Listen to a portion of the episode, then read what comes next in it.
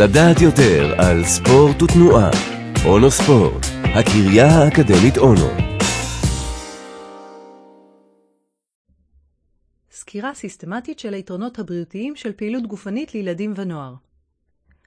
יאן ג'נסן ואלנה לבלנק פרסמו מאמר ב-IJBNPA שבחן כ-11,000 מחקרים והתייחס ל-86 מחקרים רלוונטיים, שהתמקדו ביתרונות הבריאותיים של פעילות גופנית בילדי בית ספר ונוער בין הגילים 5 עד 17.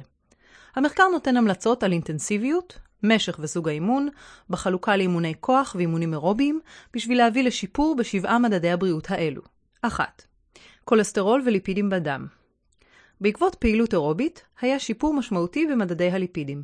מסקנה זו לא הייתה חד משמעית, ולא היה אפשר לקבוע לגבי כמות ואינטנסיביות האימון המומלצות, או ההבדל בין קבוצות הגיל או המין. 2.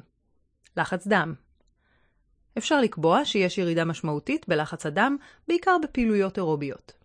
3.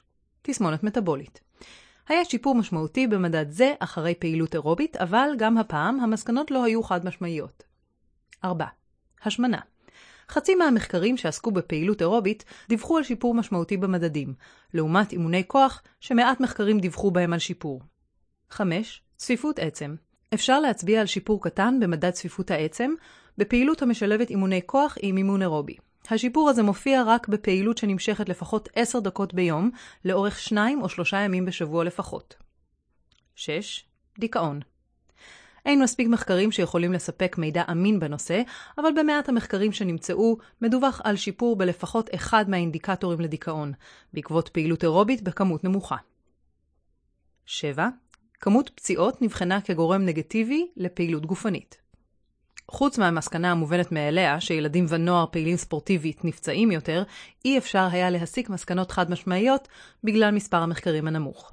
מסקנת המחקר היא שלפעילות גופנית יש כמובן הרבה יתרונות בריאותיים.